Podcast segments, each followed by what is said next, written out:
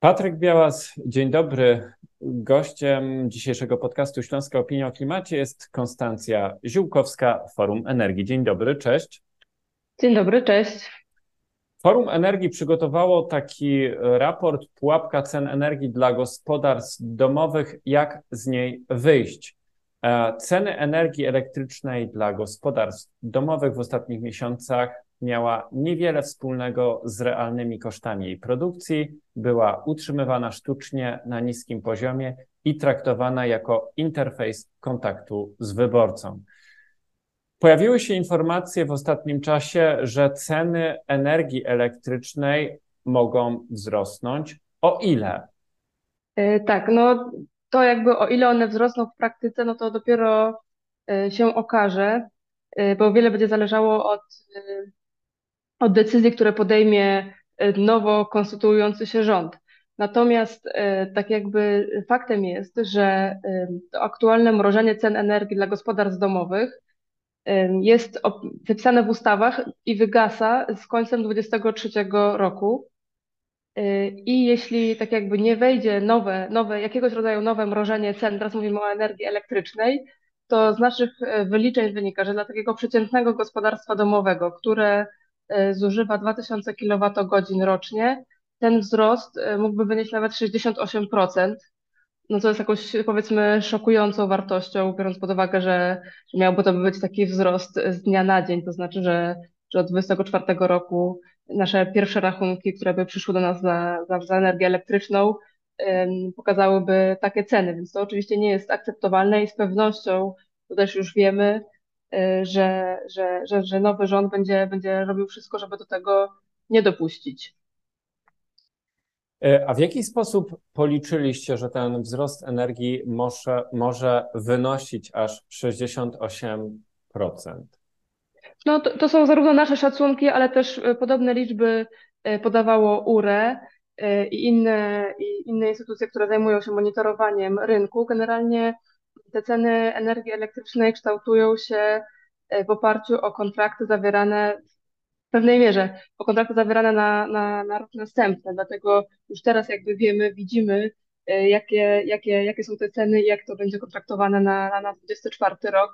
E, I po prostu mm, przy użyciu naszego narzędzia analitycznego jesteśmy w stanie dość precyzyjnie powiedzieć, czego, czego możemy się spodziewać na rynku. Natomiast właśnie tak jak też pokazujemy w analizie, te ceny, które gospodarstwa domowe już od paru lat obserwują, ale szczególnie właśnie w ostatnim czasie, po, po wybuchu kryzysu energetycznego, no to są ceny jakby zupełnie, zupełnie inne niż ta sytuacja rynkowa. No i generalnie można powiedzieć, że jest to, że jest to dobre zjawisko, tak, że, rząd e, polski, tak samo jak inne rządy europejskie, podjął interwencję mającą na celu ochronę gospodarstw domowych przed tym, tym, tym, tym kryzysem czy szokiem energetycznym, którego doświadczyliśmy. Natomiast y, pytanie jest takie trochę, co, co dalej, jakie są, jakie są następne kroki, bo ta sytuacja nie bardzo może w nieskończoność trwać, takiego zamrożenia. Ja chciałem zapytać, zanim o to, co dalej, chciałem zapytać, dlaczego jest tak drogo, bo nie wierzę, że tylko i wyłącznie y, wojna w Ukrainie spowodowała taki y, skokowy wzrost cen energii. E, to znaczy, znaczy nie, no rzeczywiście tutaj na pewno wojna w Ukrainie i też już wcześniejsze jakby zawirowania na, na rynku surowców energetycznych przed wybuchem wojny bardzo się przyczyniły do tych cen konkretnie w 2023 roku, ponieważ właśnie wtedy, kiedy te kontrakty terminowe były zawierane z kolei w 2022 roku na 2023 rok, to właśnie, czyli w naj, takim momencie jakby najtrudniejszym, kiedy te ceny były bardzo wysokie i też była bardzo duże, były bardzo duże wahania na rynku, co też jakby zwiększa ryzyko i też winduje potem te ceny w górę, więc to były główne czynniki. Natomiast my też wskazujemy w raporcie na to, że są też inne czynniki, które na to wpływają. Tak? Jedno to jest jakby kwestia transparentności rynku energii i, dochodów i marsz spółek energetycznych, e, co jest jakby w Polsce e, też dużym wyzwaniem. No i w końcu jakby kolejny, kolejny aspekt, jakby kolejny komponent tych wysokich cen, no to są też rosnące opłaty dystrybucyjne związane z tym, że mamy w Polsce bardzo zaniedbaną, zaniedbane sieci dystrybucyjne i potrzebujemy, potrzebne są środki na, niezbędne są środki na inwestycje w sieci i to też częściowo obciąża, obciąża odbiorców e, końcowych. Wspominałaś kilka razy o tym zjawisku, czy o tym mechanizmie mrożenia cen. Ja chciałem zapytać, na czym polega to mrożenie cen i jakie były koszty takiego mrożenia cen energii?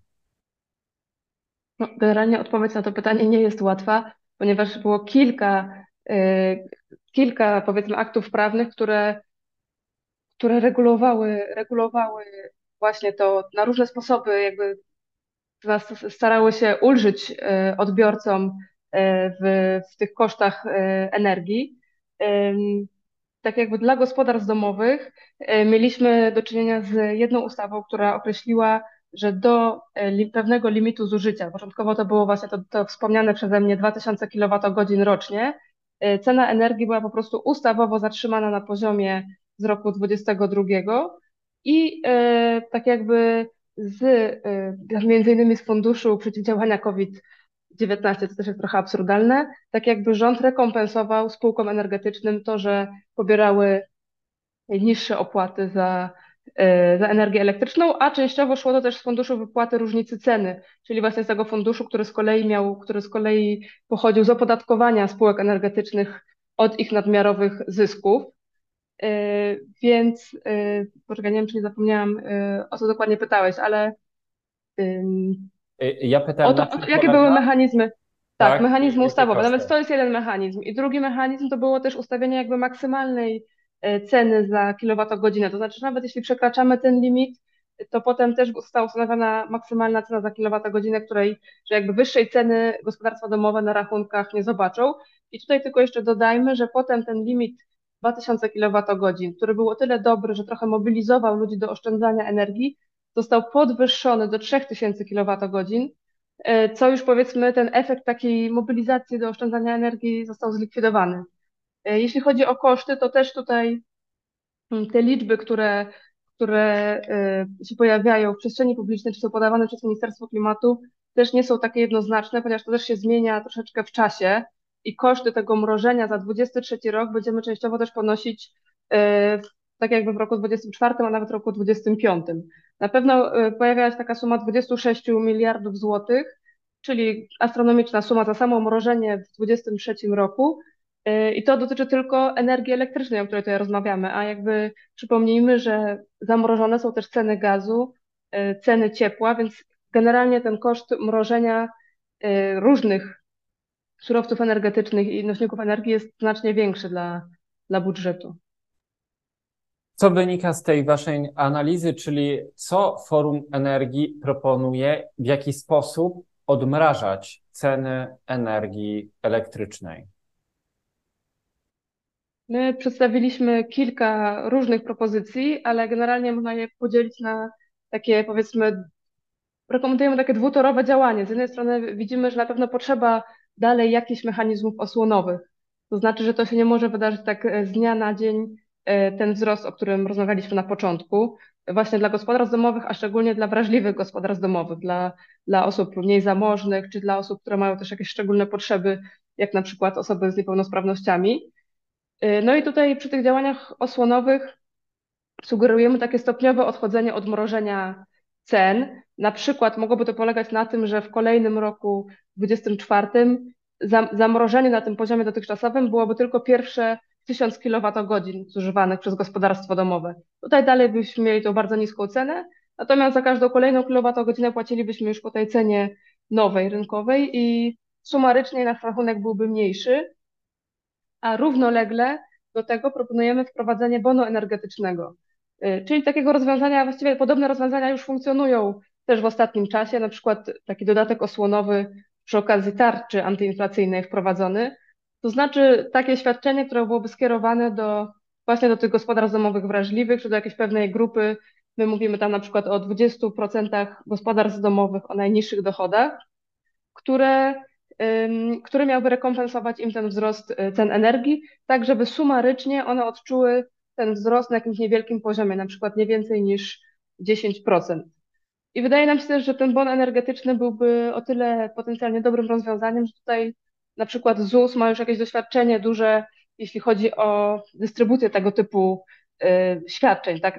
Chociażby jakby przy, przy 500 plus już taka jakaś infrastruktura techniczna związana z obsługą obywatela została przygotowana, więc wydaje nam się, że ten bon energetyczny mógłby w ten sposób działać, a nie tak, tutaj tylko zaznaczę, jak to miało miejsce na przykład z dodatkami węglowymi, o, które musiały dysponować, rozdysponowywać gminy, to bardzo też obciążyło samorządy, więc tutaj rekomendujemy jakiś taki odgórny, odgórny system wsparcia i właśnie stopniowe odmrażanie tych cen, tak żeby w 2025 roku y, takiego mrożenia nie było zupełnie, a, a ten bon energetyczny rekompensował tym grupom wrażliwym y, zwiększone, zwiększone koszty, w tym wypadku energii elektrycznej. Ale to, to jest jakby ta, cała ta sfera y, wsparcia osłonowego. Natomiast y, równie ważna jest ta druga nóżka, czyli nóżka związana z wsparciem inwestycyjnym. I tutaj z jednej strony piszemy o tym, że, że potrzebujemy właśnie inwestycji w sieci dystrybucyjne, ponieważ sieci są tą, są tą być może piętą achillesową transformacji dzisiaj i, i przez rozwój sieci dystrybucyjnych y, będzie możliwe szybsze rozbudowywanie odnawialnych źródeł energii, które długofalowo też przekładają się po prostu na na niższe ceny prądu też dla, dla odbiorców końcowych. Y, I tutaj, tutaj na pewno nadzieję pokładamy w środkach z Krajowego Planu Odbudowy, które już są przewidziane na, już w tej aktualnym kształcie, są przewidziane właśnie na między innymi na inwestycje w sieci, a my tutaj rekomendujemy też zwiększenie tych środków. Natomiast y, to, co też jest bardzo istotne, no to też wsparcie inwestycyjne rzeczywiście gospodarstw domowych. Y, tutaj pokazujemy na przykład, że fotowoltaika, która też jest super sposobem na to, żeby obniżyć nasze rachunki za energię, dotychczas, mimo że jest dla niej wsparcie, no to gospodarstwo domowe musi dysponować jakimś kapitałem własnym, jak inwestycyjnym, żeby móc tą fotowoltaikę, fotowoltaikę sobie y, kupić i nawet ze wsparciem z mojego prądu zainstalować. I tutaj rekomendujemy, że, że przydałby się taki zeroprocentowy kredyt właśnie poręczany też przez y, Y, przez, przez jakąś, na przykład przez Bank Gospodarstwa Krajowego, y, który byłby skierowany właśnie do osób, które mają jakieś dochody, ale nie mają oszczędności i mogłyby rzeczywiście bez marży, bez prowizji, bez, przy zerowym oprocentowaniu i z jakimś być może minimalnym wkładem własnym zaciągnąć taki kredyt i, i móc na, na przykład zainwestować we własną fotowoltaikę. No i, no i w końcu też, też na pewno kładziemy nacisk na rozwój tych istniejących programów, takich jak na przykład Czyste Powietrze, które robi bardzo duże, powiedzmy, że wiele się zmieniło na lepsze w tym programie, natomiast wciąż też jest wiele do zrobienia, jeśli chodzi o jakieś takie doradztwo techniczne i wsparcie osób, dla których termomodernizacja jest y, duży, zbyt dużym wyzwaniem, skomplikowanym.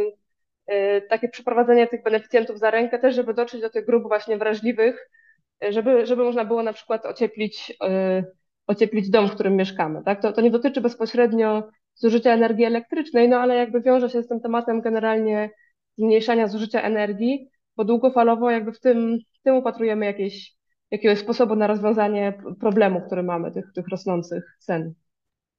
A czy w, dla gospodarstw domowych, które ogrzewają swoje domy i mieszkania energią elektryczną, również proponujecie jakieś rozwiązania?